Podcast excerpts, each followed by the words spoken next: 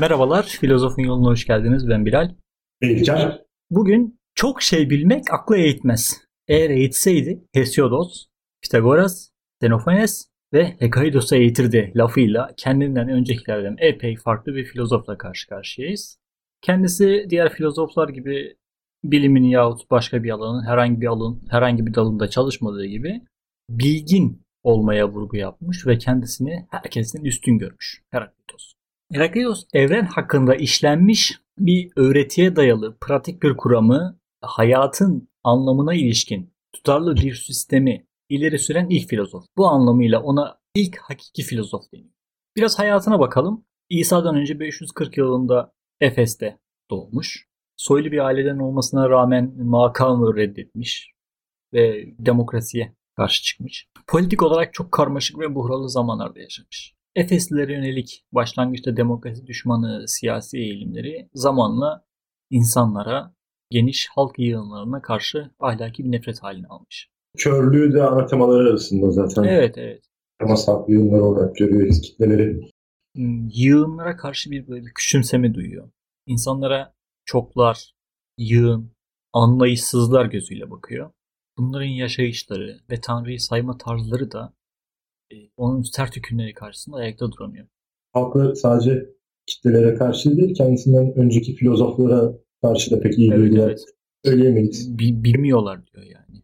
Epik eserleri de çok aptalca buluyor. Pitagoras'ı sahtekar olarak nitelendiriyor mesela. Önceki programda konu aldığımız Pitagoras'ı. Evet.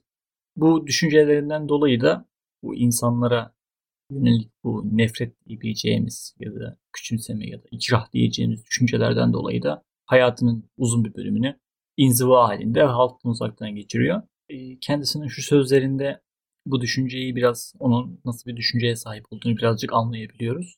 Duvarlarla konuşmaya benzeyen resimlere tapmalar, bir pisliği başka bir pislikle temizlemeye yarayan kurban kesmeler, kan akıtmalar. Kendisinden önceki doğa filozofları gibi yine Doğa Üzerine adlı bir eser yazmış. Bu eserden 120 civarında fragment kalmış bize bugüne kadar. E, milletli filozoflardan Anaximandros'un maddenin apeirondan zıtlarla ayrılması gibi düşüncelerden etkilenmiş olduğunu biliyoruz. Şiirsel bir düz yazı kullanıyor Herakleitos ve paradokslarla konuşmayı seviyor. Bu dilinin bu seçkince şeklinden dolayı sonralar ona Karanlık Herakleitos lakabı takılıyor. Yine kendisinin şu sözlerinden anlıyoruz biraz bunu. Delphoi kaininin efendisi düşüncesini ne ifade eder ne de gizler. Onu bir işaretle gösterir.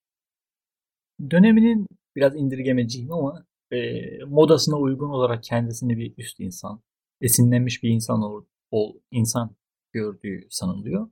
Zaten o dönemde e, sana yani itibar edilmesi için bir kutsal dayanağın olması gerekiyor. Diğer insanlardan fazlaca bir şey biliyor olman için senin onların bilemeyeceği şeylere sahip olman gerekiyor. Bu da bir esinlenme tavır. Evet. Bu tavır Nietzsche'de de görülecek. Yani daha modern bir şekilde. Böyle buyurdu Zerdüşt eserinin dili de buna benzerlikler gösterir. Hatta Nietzsche eseri insanlığa bir armağan olarak yazdım diye başlıyor kitap. alın bundan feyz alın diye böyle bir şey bir tavır var.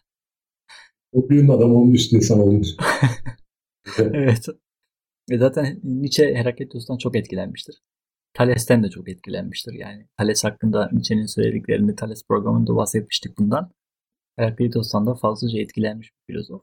Herakleitos'un düşünceleri ilerleyen dönemlerde Stoacılar okulunun kurucu düşünceleri de olacak. Ee, ama hangi düşüncenin gerçekten kendisine ait olduğunun tespitinde zorluklar yaşadığımız için ayrım yapamıyoruz. Bu durum Pitagoras ve Pitagorasçılar için de geçerliydi. Orada da hangi düşüncenin Pitagoras'ın kendisine, hangilerinin onun takipçilerine ait olduğunu bilemediğimizden bahsetmiştik. Arke arayışı Herakleitos'ta da devam ediyor. Yine millet felsefesi geleneğinin bir kısmını devam ettiriyor burada. Bu sefer karşımıza ateş olarak çıkıyor ama. Evet, e, Herakleitos için Arke ateş. Kendisinden okuyalım. Herkes için aynı olan bu dünyayı tanrılar veya insanlardan hiçbiri yapmamıştır. O her zaman ateş olmuştur. Ölçüyle yanan ve ölçüyle sönen canlı bir ateş. Tanrılar veya insanlardan hiçbirinin yapmaması yine Daha önceki programlarımızda da birkaç defa dile getirdik. Yunan'da yaratma diye bir şey yok. Madde ezeli ve ebedidir. Her şey önceden vardır. Mesela Platon'a geldiğimiz zaman da Platon'un tanrısı Demiurgos maddeye şekil vermekle görevlidir. Yani görevlidir dediğim onun işi budur yani. O idealara izler, ideaları, idealar evrenindeki ideaları izler ve maddeye şekil vererek işte dünyadaki bu maddeyi oluşturur. Bir sanatçıdır adeta. Bu sanatçı anlayışı daha sonra bizim İslam'da da karşımıza çıkacak. Mesela Allah'ın sani sıfatı vardır. Sanatçı. Özellikle İbn Rüşd'de bu sani sıfatının çok daha ön plana çıkarıldığında daha sonra göreceğiz. Nasıl ki bütün mallar altınla, altın ise bütün mallarla değiş tokuş edilirse, her şey ateşle, ateş ise her şeyle değiş tokuştur. Her şey ateşten gelir, her şey ateşe döner. Yine bizim arke tanımımıza uygun bir önerme sunuyor bize Herakleitos. Yalnız Herakleitos da kendisinden önceki filozoflardan farklı olarak varlığı varlık olarak değil bir süreç olarak ele alıyor. Varlık yoktur, oluş vardır. Şimdi İlker sana bir soru sorayım. Daha önce de basit bir soru sormuştum ama basit bir cevap alamamıştım. Basit bir soru değildi aslında. Cevap basit. Soru basit, cevabı çok basit verilmiyordu çünkü. Evet. Varlık var mıdır? Varlık hem vardır hem de varlık ama varlık bilgisine göre varlık vardır. Fakat varlık bilgisinin doğruluğundan emin olamayız. Cevap biraz böyle bir oyalama, bir böyle bir yandan mandan bir kaçıyor gibi geldin ama bana. Mesela biz insanlar olarak sen hiç varlığı böyle hissettin mi yani? Nasıl yani? Anlatabiliyor. Kendi varlığını hisset, hissettin mi kendi varlığını? Böyle bütün olarak kendi varlığını, bütünüyle varlığı kendinde hissettiğin oldu mu hiç? Ya da bunu her an hissedebiliyor musun? Yaşadığını böyle var olduğunu en son ne zaman hissettin yani? Genelde sıklıkla unutuyorum ben.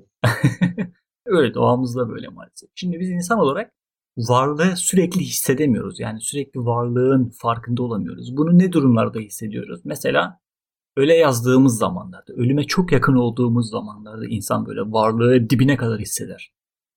Benzer bir deneyim yaşamışsındır belki. Bütün varlık iliklerinde hissedersin varlığı değil mi? Bu deneyimi uzun süre yaşayamıyoruz maalesef. Muazzam bir kalabalıktan bahsediyoruz her şeyden önce. Kendimizden bahsediyoruz, kendi vücudumuzdan. Şöyle bir kendi vücudunun sesini bile dinlemek istediğin zaman çıldırma noktasına gelebilirsin. Mesela Microsoft'un vardı öyle bir ses stüdyosu var. İçeride ses eksi 35 desibel falan. Muazzam, yalıtılmış. İçeride yankının olmadığı bir stüdyo. Giriyorsun içeriye. İçeride o, o kadar sessiz ki içerisi kendi kanının damarlarında akışının sesini duyabiliyorsun kulaklarınla. Bütün vücudundaki o hareketliliği falan hissedebiliyorsun. Mesela dış ses yaklaşık 20 desibel olması lazım. Dünya ortam sesi. Bu kadar gürültüde biz duyamıyoruz birçok şeyi ama böyle çok sessiz ortamlara geldiğimiz zaman vücudumuzun varlığını hissedebiliyoruz. Bu bahsettiğim deneyim de böyle bir araba kazası gibi elektrik çarpması mesela. Eyvah öldüm falan diyorsun ama o sırada o varlığa öyle bir sarılmak istiyorsun ki, varoluşuna öyle bir sarılmak istiyorsun ki bütünüyle onu vücudunda hissedebiliyorsun. Bunun dışında neredeyse hissedemiyoruz varlığı. İlk çağ filozoflarının nasıl bir evrende yaşadıklarını biraz ilk çağ felsefesine girişinde biraz bahsetmiştik. Bu filozoflar doğayla iç içe insan. Biz bugün öyle kalabalık şehirlerde hayata dair görüşümüzü bunaltan çok bir kalabalık var bizim bugünkü modern hayatımızda. Müdahale diyebiliriz. Müdahale ediyor evet. Yani o hayatın, doğanın farkına varamıyoruz çoğunlukla. Hayatın keşmekeşinde, hayatın koşturmacısında varlığı algılamaya fırsat bulamıyoruz günümüz dünyasında. Fakat o dönemin insanları varlıkla iç içelerdi. Yani doğayla iç içelerdi. Doğadaki değişimleri, diğer canlıları, kendi varlıklarıyla baş başa kalıyorlardı. Biz bugün varlık var mıdır, yok mudur sorusuna 2500 yıllık felsefe geleneğinde çok fazla cevap görüyoruz. O dönemde varlığın var olduğu kabul ediliyor. Yani millet felsefesinde neden bahsediyorduk? Varlığı suyla, havayla, apeironla özdeş kılmışlardı millet filozof. Pitagoras'a geldiğimiz zaman varlığın sayılarla özdeş kılınmasına tanık olmuştuk. Herakleitos da dönemin uygun bir şekilde varlığı anlamaya çalışan bir insandı. Ama o varlıkta bir değişim, diğer filozoflar gibi bir değişim görmüş. Bu değişimi açıklar açıklamak isterken değişimin kendisine teslim olmuştur Herakleitos. Değişimin arkasında bir şey görmekten ziyade değişimin kendisini bir olgu olarak kabul etmiş. Varlığın kendisini bir değişimle özdeş kılmış. Yani oluşla özdeş kılmış. Nasıl diyelim buna? Bugün biz ateşin bir şey olmadığını biliyoruz. Ateş bir süreçtir. Yanma sürecinde ortaya çıkan şeydir. Kendi varlığı, kendi şeyi yoktur. Herakleitos tabi bizim bugün ateş hakkında bildiğimiz şeylere sahip değildi. Yani bu bilgilere sahip değildi ama yine de bir fikir sahibiydi demek ki. Ateş aynı su, hava gibi hareketli, değişime açık bir şey. Onlardan daha da değişime açık bir şey. Çok hareketli bir kere. Sabit, hiçbir şekilde sabit olmuyor. Varlık onun gözünde sürekli bir değişime e, uğruyor. O değişimin arkasında değişmeyen bir şey aramak yerine değişimin bizatihi kendisini varlık olarak. Yani ateşteki gibi. Biraz böyle söylediklerimi tekrarlıyormuş gibi oluyor ama daha kolay açıklama modeli bulamıyorum. Çünkü Kendisi çok, çok vecize bir sözü var hatta günümüzde en bilinen sözü. Aynı nehre iki defa inemezsin diye. Aynı nehirde iki defa yıkanamazsın. Çünkü aynı nehirlere inenlerin üzerine her zaman yeni sular gelir. Evet. Şimdi biz eh, yine bugünkü bilimsel bilgimiz sayesinde hiçbir şeyin olduğu gibi kalmadığını biliyoruz. Çok statikmiş gibi görülen mesela bir insan vücudu. Bir saniye içerisinde milyonlarca bakteri ölüyor. Vücudun içerisinde. Bizi oluşturan atomlar, bütün varlıkları oluşturan atomlar da sürekli değişim içerisinde. Evet. Hücrelerimiz değişiyor. Yani tabii dediğim gibi Herakleitos bunun bu kadar farklı değildi ama doğadaki değişimin farkındaydı. Yani bu kadar ayrıntı bilgiye sahip değildi demek istiyorum. Farkındaydı elbette. Yine onun sözüne dönelim. Varlık her zaman ateş olmuştur. Ölçüyle yanan ve ölçüyle sönen canlı bir ateş. Bu sadece değişimin arkasında değişmeyen bir şey olarak bir kural görüyor. Yani ateşin yanma ölçüsü. Bunu bir değişmeyen unsur olarak alacak. Ve buna da logos diyecek. Logos neydi? Antik Yunanca'da akılla söylenen söz anlamına geliyordu. Herakleitos'un bu logosunda panteist bir tanrısal akıl olduğunu düşünmek herhalde çok yanlış olmayacaktır. Evet, her şeyin içinde ateş var ama bu ateşin kaidesi, nasıl yandığı, nasıl oluşa dönüştüğü, nasıl oluşu oluşturduğu, nasıl varlığı oluşturduğu logoslar. Ve bu logos tamamen keyfidir. Bir amacı yoktur. Evet. Daha sonra bunu nerede göreceğiz? Nietzsche'de göreceğiz. Benzer düşünceyi. Nietzsche için de Tanrı kumsalda şatolar yapan bir çocuktur. Tamamen kendi kafasına göre istediğini yapan, istediğini edendir. Bunu Nietzsche gibi sıra dışı bir filozofta değil. Yani mesela İslam'a bakalım. İslam'da da göreceğiz bunu aslında. Dünyada mesela şey yok. Biz bugün kanun diyoruz ya doğa kanunu, doğa yasalı. Böyle bir şey söz konusu değildir İslam'da. Adetullah'tan bahsediyor. Mesela yanan bir ateşin içine bir kütük attık. O kütük yandı. Bu şu anda bizim bildiğimiz doğa yasalarına uygun bir şekilde oluyor değil mi? Ama mesela Gazali'ye göre böyle değil. Gazali'ye göre Allah öyle istediği için yanıyor. Niye her seferinde yanıyor peki? Çünkü Allah'ın adeti öyle. İsterse farklı şey yapabilir. Yer çekimi de öyle. Bıraktığın bir cisim yere niye düşüyor? Çünkü Allah'ın adeti öyle, öyle yapıyor. Konuyu çok dalandırıp budaklandırmadan biraz daha bu Herakleitos'tan bahsedelim. Anaximandros'ta ne görmüştük? Varlıklar zıtlar halinde Apeiron'dan çıkıyordu ve var olmalarının karşılığı veya cezaları olarak da yine yok oluyorlar. Birbirlerini yok ediyorlardı. Yani ona göre çokluk bir kötülüktü. Var olmak bir kötülüktü. Bir Herakleitos'ta da bundan biraz daha tersini görüyoruz. Ona göre varlık zıtların uyumu ve armonisidir. Zıtlar bu değişimi meydana getiren şeyler ve zıtların bir araya gelmesiyle oluş mümkün oluyor. Homeros, tanrılar ve insanlar arasında keşke çatışmalar sona erseydi demekte haksızdır. O evreni ortadan kaldırmak istediğinin farkında değildi. Çünkü eğer onun isteği yerine gelmiş olsaydı her şey yok olurdu. Bir şeylerin oluşması için, bir şeylerin yani doğrusu varlık oluşla özdeş kılınıyor ve oluşun da mümkün olabilmesi için zıt şeylerin var olması gerek Herakleitos'a göre. Savaşı da yine bu zıt unsurlardan biri olarak görüyor. Savaş her şeyin babası ve kralıdır. O bazılarını tanrı, bazılarını insan yapar. Bazılarını köle, bazılarını özgür kılar. Oluş sürekli bir şeylerin değişimini bu da çok şeyi yani çok şeyleri gerektiriyor. Nitekim Herakleitos için de bir ve çok aynı anlama geliyor. Yine ondan okuyalım. Ölümlüler ölümsüz, ölümsüzler ölümlülerdir. Biri diğerinin ölümüyle yaşar, diğerinin hayatıyla ölür. Bir dairenin çemberinde başlangıç ve bitiş aynıdır. İyi ile kötü birdir.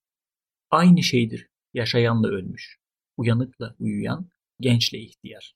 Çünkü bunlar değişince onlardır ve onlar değişince de bunlardır. Keçeci mengenesinin düz ve eğri yolu birdir. İnen ve çıkan yol bir ve aynıdır. Burada tabii böyle geçtim teker teker her cümlenin ele alınması gereken, e, hepsinin üzerinde ayrı, ayrıntılı bir şekilde düşünmemiz gereken unsurlar bunlar. E, anladığımız şeyler olduğu gibi anlamadığımız şeyler de var. Bir kere burada bir görecelikten bahsediyoruz. İnen ve çıkan yol bir ve aynıdır.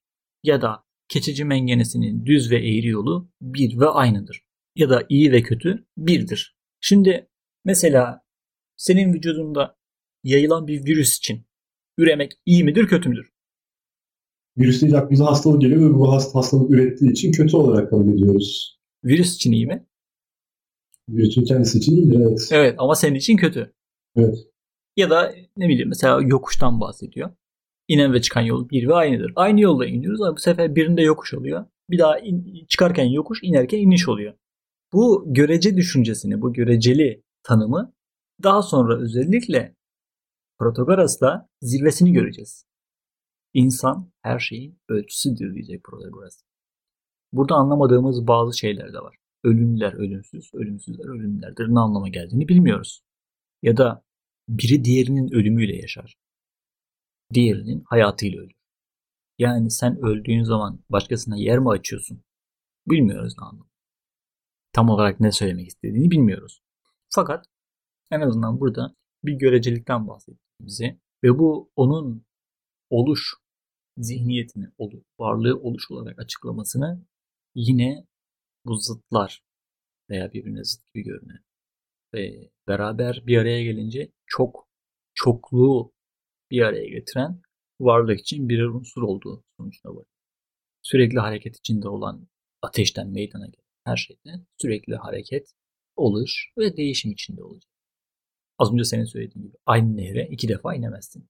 Çünkü aynı nehre inenlerin üzerinde her zaman yeni sular akar. Bu düşünceye tabii karşı çıkmak da görece kolay.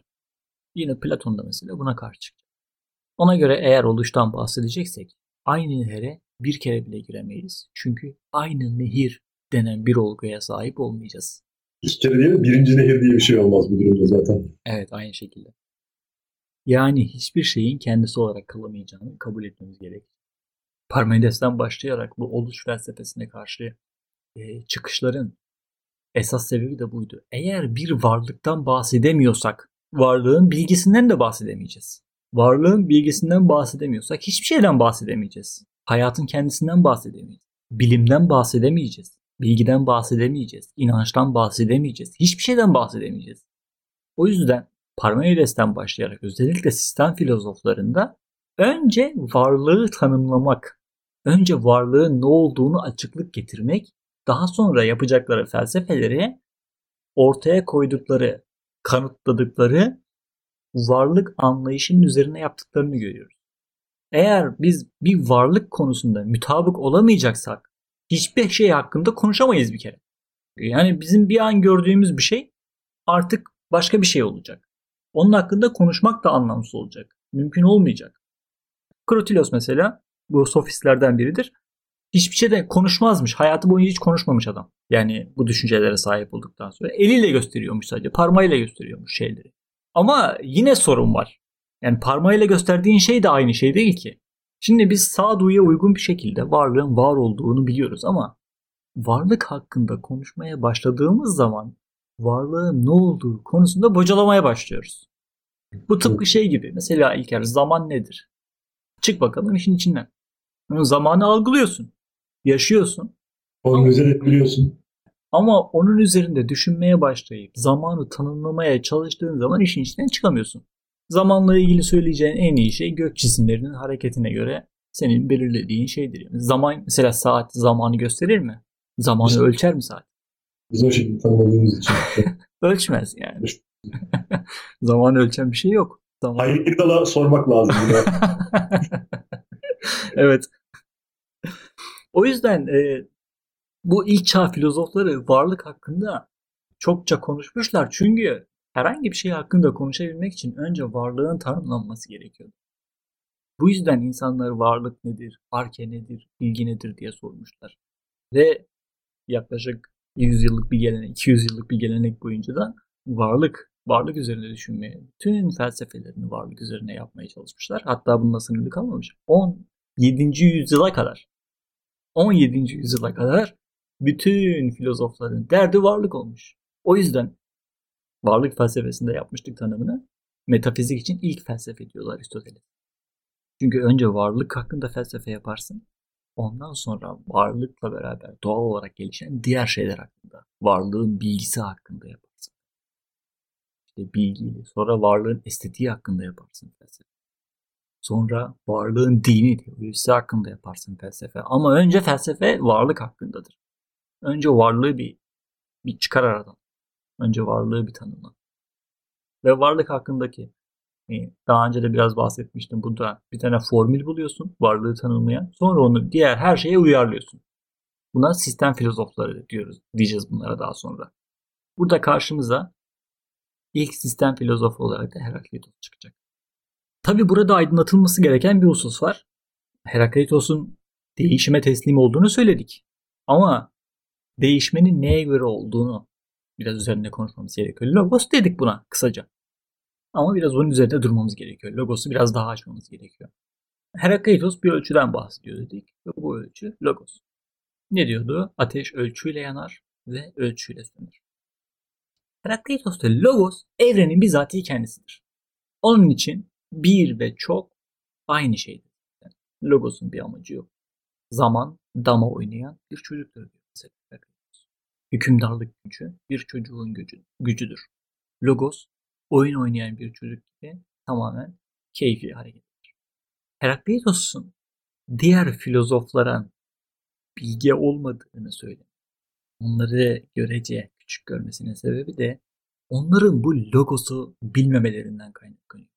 Bilgelik işte bu logosun bilgisine sahip olmak. Şimdi biz dünyayı daha determinist tanımlıyoruz. Bu kadar keyfi olmadığını biliyoruz dünyanın. Biz dünyayı şu anda böyle algılıyoruz. Bir nedensellik ilişkisi içerisinde algılıyoruz ama o dönemde yani hareket ediyoruz. Henüz bu nedensellik ilişkisini görmemiş ya da reddetmiş. Ve bunu biraz keyfiliğe bağlamış logos. Burada yine Xenophonес'ten yola çıkan aslında milletli filozoflarda da vardı. Panteist bir an, tanrı anlayışı. Neydi mesela? Thales'te suydu her şey. Her şey suydu. Her şey tanrıydı. O zaman evren tanrı. O zaman panteizm neydi? Tanrıyı evrenle özdeş kılmak. Kabaca. Tanımı bu. Anaximandros'ta her şey havadan geliyordu. O zaman her şey tanrı. Yine panteizm. Anaximandros'ta apeiron. Her şey apeirondan geliyor. Her şey apeirondan Yine apeironla özdeş kılınan bir tanrı. Burada da yine ateş. Ama ateşin ölçüsü bu sefer logos. Yani evrenin şeyini logos'ta tanımlıyor. Logos'u evren olarak tasarlıyor. Bu görecelikten biraz bahsettik ama görecelik hakkında onun söylediği başka şeyler daha var. Yine onun sözlerini aktaralım. En güzel maymun insanla karşılaştırılırsa çirkindir. Deniz suyu en temiz ve en pistir. Balıklar onu içebilirler ve onlar için o kurtarıcıdır. Buna karşılık insanlar için o içilmezdir ve ölür. Görecelik işte. Bunun yanında Herakleitos için bir şeyin var olması için zıttının da var olması gerekiyor.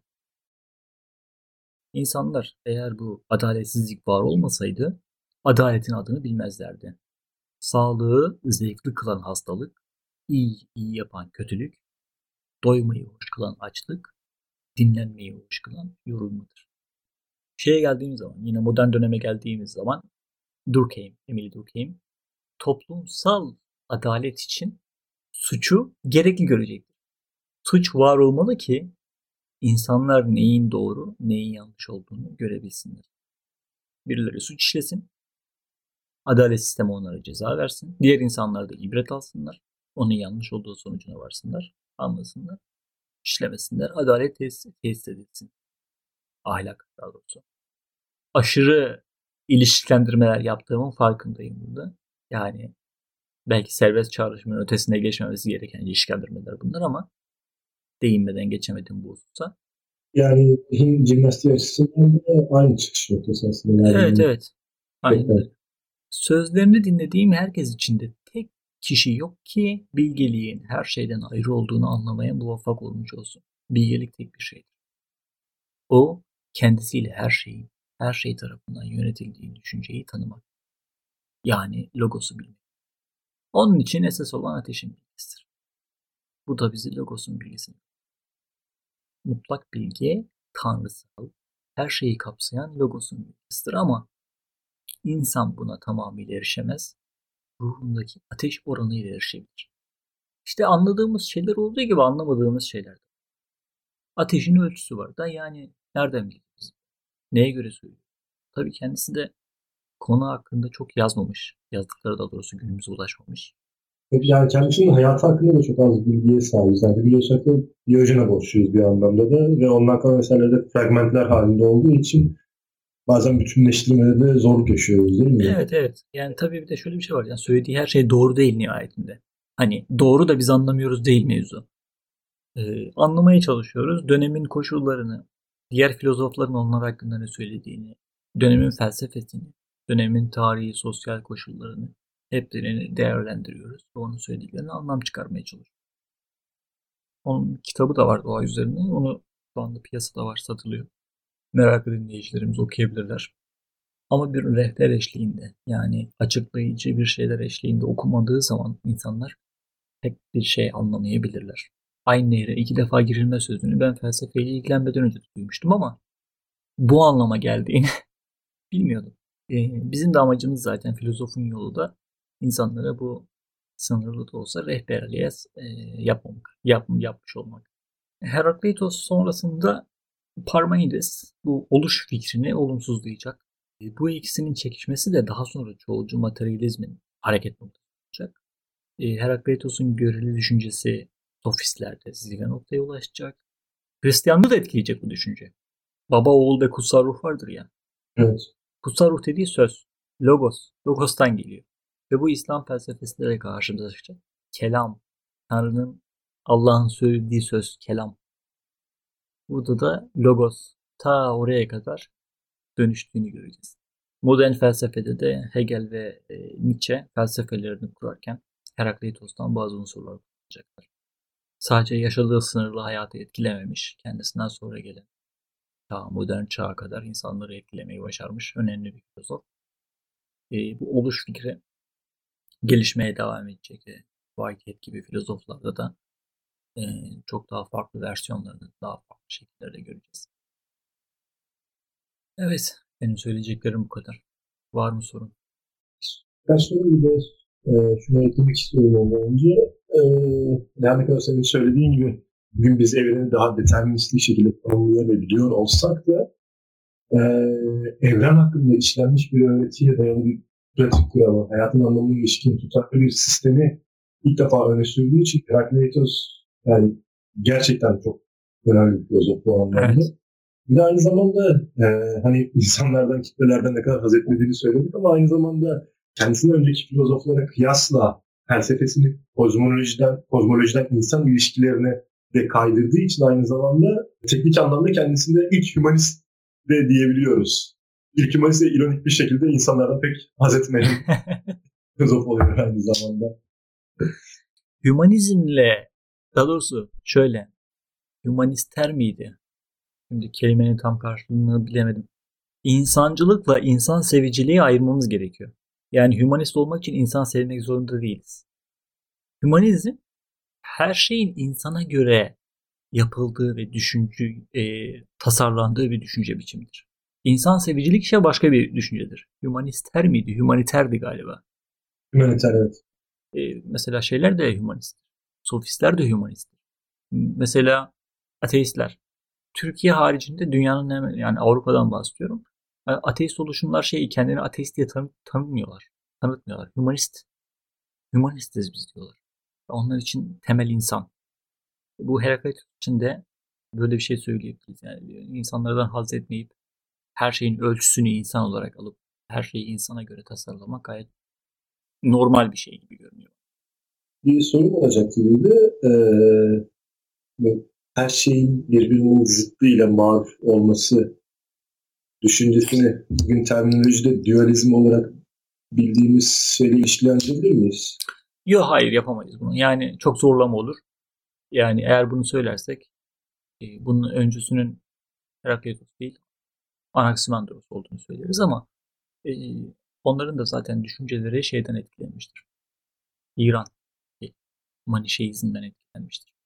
E, her şeyin var olma düşüncesi. Dualizm modern çağa geldiği gelinceye kadar aslında bizim karşımıza neredeyse hiç çıkmayacak. Descartes'la beraber bizim karşımıza çıkacak dualizm. Ben de daha önce mesela Platon'da dualizmin daha bir önce olduğunu düşünmüştüm ama Platon'daki varlık anlayışı bile dualizm denemeyecek derecede yani bizim bugün anladığımız şekilde modern dualizme çok uzak kesinlikle. Sadece dönemine etkilenmiştir. Bu her şeyin zıtlarla var olma düşüncesi. Aperion'dan nasıldı? Her şey sıcak ve soğuk. Sonra yaş ve kuru çıkıyordu. Daha sonra bu düşünce Herakleitos'ta da çıkıyor karşımıza. Sonra Empedokles. Empedokles çok renkli bir filozof. Üzerinde çok e, eğlenceli bir program yapacağımıza inanıyorum. Su, hava, ateş ve toprak olarak. Yine bu zıtlar. Ve ondan sonra birer tanrılarla ilişkilendirerek dört element oluşturacaklar. Çok klasik bir düşünce. Yani dualizmle biraz ilişkilendirmek çok zor. Başka sorun yok. Bu kadar benim. Tamam oldu o zaman. Bir sonraki programımızda görüşmek üzere. Esen kalın. Hoşçakalın.